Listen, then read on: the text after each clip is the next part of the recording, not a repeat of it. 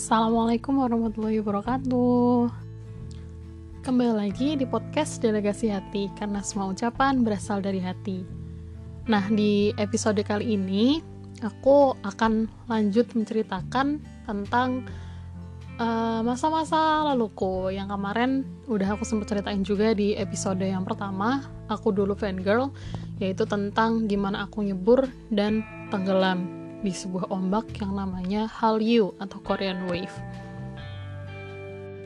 Nah di episode yang kemarin aku sempat cerita ya, aku sempat menyinggung juga bahwa aku tuh SMP-nya itu di pondok pesantren modern, kemudian SMA aku juga di uh, asrama atau boarding school, di mana keduanya ini lingkungannya tuh sama-sama lingkungan yang uh, mendekatkan diri kepada Islam kayak gitu.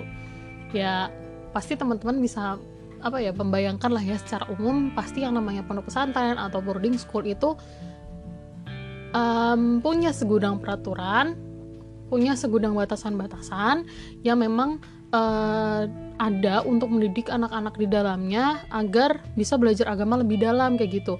Dan juga pasti kurikulumnya atau kegiatan-kegiatannya itu uh, selalu berhubungan dengan uh, yang namanya ngaji kemudian hafalan dan sebagainya.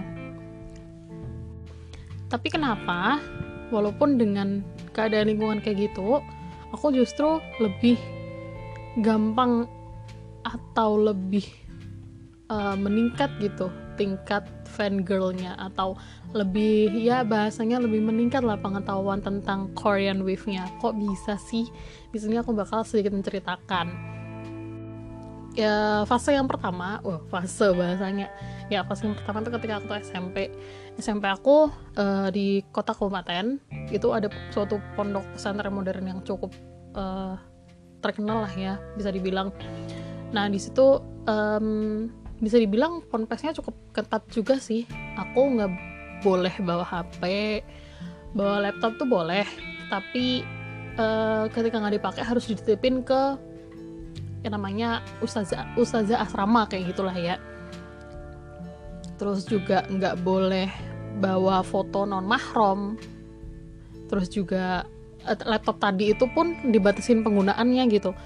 Uh, kalau menggunakan harus ada surat izinnya dan lain sebagainya kayak gitu. Kalau kalau misalnya enggak nggak bisa diambil. Terus juga nggak um, cuma diawasin sama ustazah biasanya kita di asrama itu ada yang namanya um, si keamanan atau divisi keamanan yang tugasnya apa ya semacam mendisiplinkan kita gitu loh. Terga, uh, mendisiplinkan peraturan-peraturan yang ada seperti itu. Dan juga di pondok pesantren tuh kegiatannya tuh full ya sekolah plus ngaji dari pagi sampai malam gitu. Jadi pagi sampai sore full day full day sekolah waktu itu. Dari pagi sampai sore kita sekolah sekolahnya juga di lingkungan ponpes itu gitu sekolah dan itu pelajarannya juga pelajaran umum juga pelajaran madrasah diniyah juga. Nah habis itu nanti sore sampai malam itu ya kegiatan asrama kadang ngaji sore atau mungkin um, sholat jamaah belajar dan juga ada bimbelnya juga dulu kayak gitu. Pokoknya kegiatannya tuh full gitu dari pagi sampai malam. Tapi ya entah kenapa dengan segala keterbatasan itu malah makin menjadi-jadi aja gitu fangirlingnya mungkin um, karena faktor ini juga sih ketika kita bisa buka laptop dan kebetulan juga di uh, Ponpes itu disediain fasilitas wifi dan kita memang bebas menggunakannya. Nah di situlah um, jujur kita tidak bisa mengontrol diri kita sendiri untuk menggunakan wifi itu dengan baik dan benar gitu. Jadi kita bisa update apa pun bisa download apa pun pakai wifi dan laptop itu tuh. Jadi apa ya ini juga salah satu kenakalan sih. Kita kadang izinnya laptop dipakai buat belajar gitu tapi belajarnya berapa persen fangelingnya berapa persen gitu. Dan sampailah ke masa-masa kelas 9 biasa lah. Kayaknya sama teman-teman juga kayak gitu kali ya. Kelas 9 tuh uh, awal-awal tuh masa-masa apa ya kalau di pondok pesantren aku ya itu kayak masa-masa nakal gitu. Uh, uh, gimana ya? Jadi setelah kelas 7 kelas 8 itu diikat sama sebuah um, peraturan. Jadi kelas 9 tuh karena kita emang udah dalam tanda kutip bebas gitu. Jadi bebas juga nakalnya. Ini nggak boleh ditiru nih sebenarnya. Jadi kelas 9 tuh ibaratnya kayak puncak-puncaknya masa-masa nakal sampai um, apa yang kemarin kita nggak dibolehin itu kita lakukan gitu. Contohnya kita jadi sering uh, nyimpen laptop di tempat kita sendiri. Jadi laptopnya tuh gak kita kembaliin ke ustazah. Dan juga karena nggak ada karena nggak ada teman-teman dari si keamanan di asrama lagi ya karena kan udah lengser gitu kan si keamanannya. Jadi kita nyimpen laptop di kamar atau di lemari. Habis itu kalau bawa HP sih alhamdulillah aku nggak berani ya waktu SMP bener-bener gak berani walaupun ada sih teman-teman yang lain yang menyelundupkan HP gitu Astagfirullahaladzim. Terus juga sampai berani uh, tempel foto opa gitu di lemari. Jelas-jelas gitu jelas-jelas di depan pintu lemari kayak gitu. Terus juga aku dulu itu sampai hmm, bawa buku biodata uh, idol kayak gitu loh. Kalau misalnya teman-teman sering lihat di misalnya di Gramedia ya atau di toko buku itu kan pasti ada ya um, kayak buku profil atau buku apa ya profil lah ya bisa kita sebut itu tentang idol-idol. Nah aku tuh bawa pakai bawa buku-buku kayak gitu juga gitu. Gak tau ya astagfirullahaladzim. Terus juga uh, puncaknya adalah ketika aku kelas 9 akhir maksudnya udah selesai UN tuh ya udah selesai UN kita tinggal liburan dan sebagainya itu kan kita masih sering bolak balik di asrama ya main lah dan sebagainya Nah, aku sama bertujuh eh sama berenam temanku yang lain itu waktu liburan itu ikut dance cover contest. Hmm. dance cover contest, dance cover contest yang diadakan di uh, kabupaten aku. Kayak di ajang event sebuah SMA gitu lah ya. Terus um, ngedance coverin BTS yang Boy in Love. Sampai sekarang aku masih simpan itu videonya. Ya, aku nggak merasa itu apa ya dibilang aib ya aib tapi juga uh, aku sayang untuk ngapus tuh karena aku uh, mengingat ini bahwa ini loh masa lalu aku yang gak boleh diulangin lagi kayak gitu. Ya alhamdulillahnya aku nggak sampai dalam tanda kutip bukan tanda kutip sih ya aku nggak sampai lepas jilbab juga sih waktu dance cover itu. Kita bertuju pakai jilbab semua aku aku ngedance cover. Sekarang tapi kalau dipikir-pikir tuh kayak apaan sih? Kenapa sih? Kamu dance cover harus pakai kerudung kayak da, apa ya aku ngerasa sekarang agak malu aja gitu. Ah ya Allah. Nah itu fase-fase SMP tuh kayak gitu intinya. Terus masuk ke fase-fase SMA nah waktu SMA ini kan aku ngerantaunya lebih jauh ya di Solo gitu. Di Jawa Tengah dan itu di sana um, lebih longgar lah bisa dikata jadi sistemnya itu berbeda juga sama pondok pesantren aku karena lebih longgar juga.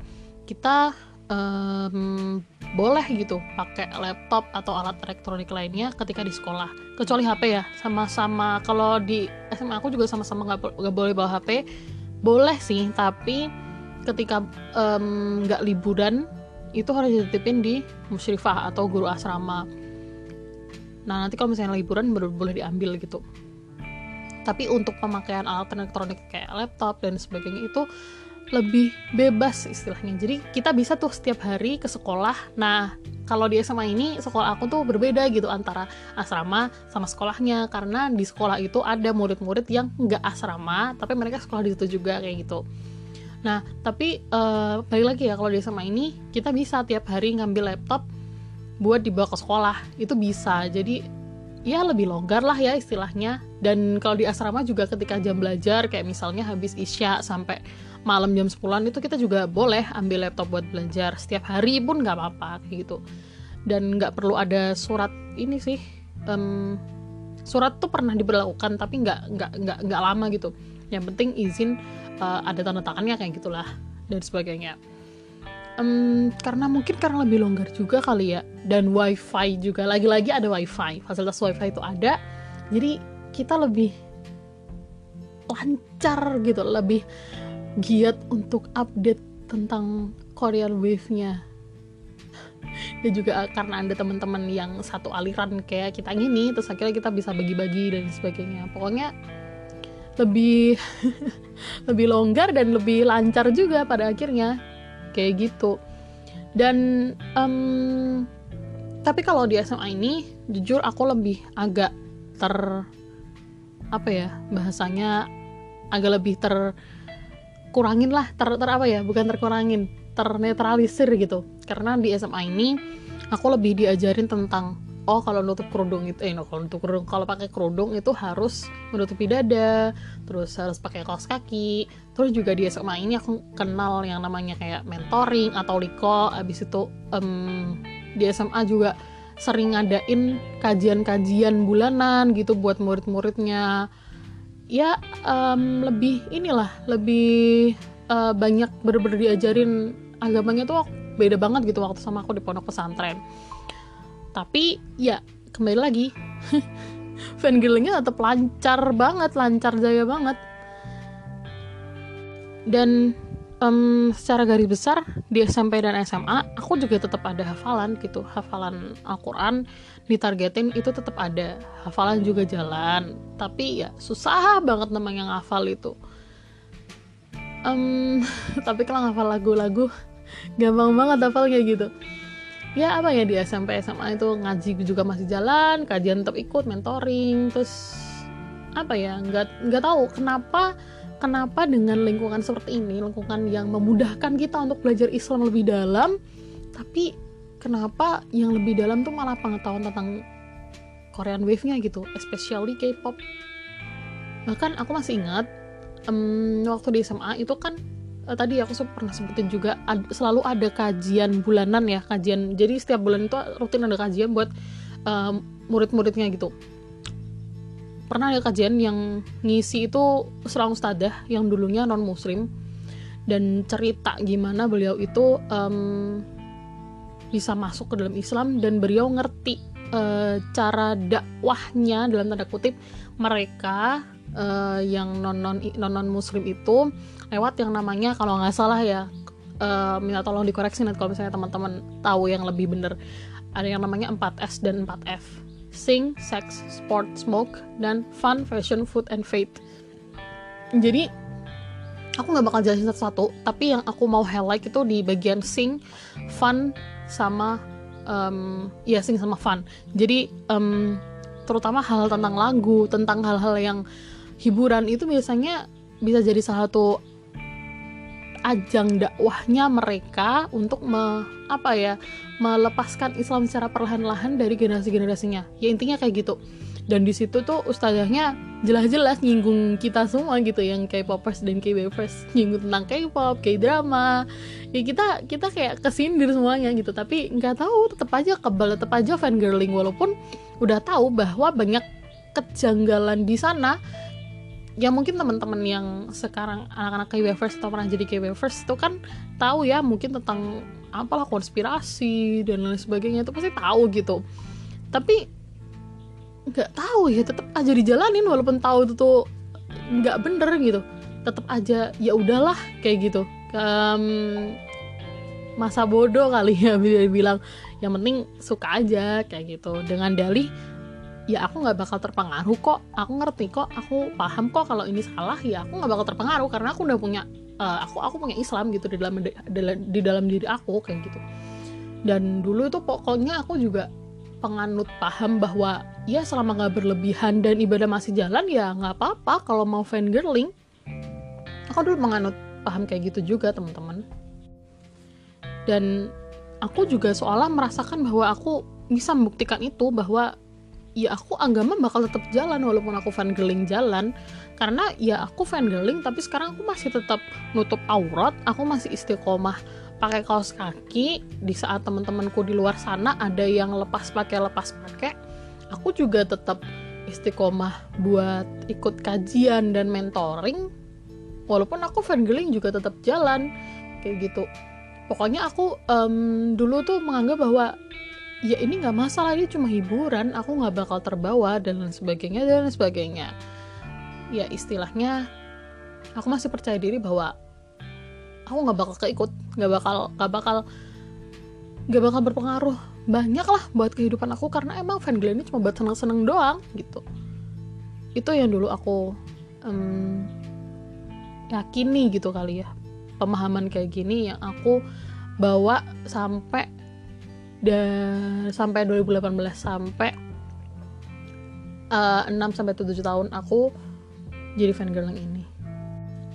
Nah, dari sini mungkin um, pada akhirnya nanti akan ada sebuah titik balik yang membuat aku uh, meyakini bahwa oh ternyata pemahaman yang tadi itu salah ada sebuah titik balik di mana aku memahami bahwa selama ini kadar hiburan aku itu lebih banyak daripada kadar persiapan aku pada kehidupan nggak cuma kehidupan di dunia tapi juga kehidupan di akhirat ya istilahnya ini adalah um, setelah ini adalah mungkin adalah proses bener-bener aku bakal ceritain gimana sih aku bisa move on bisa berusaha untuk berenang kembali ke daratan kayak gitu Insya Allah aku ceritain di episode selanjutnya. Semoga bermanfaat.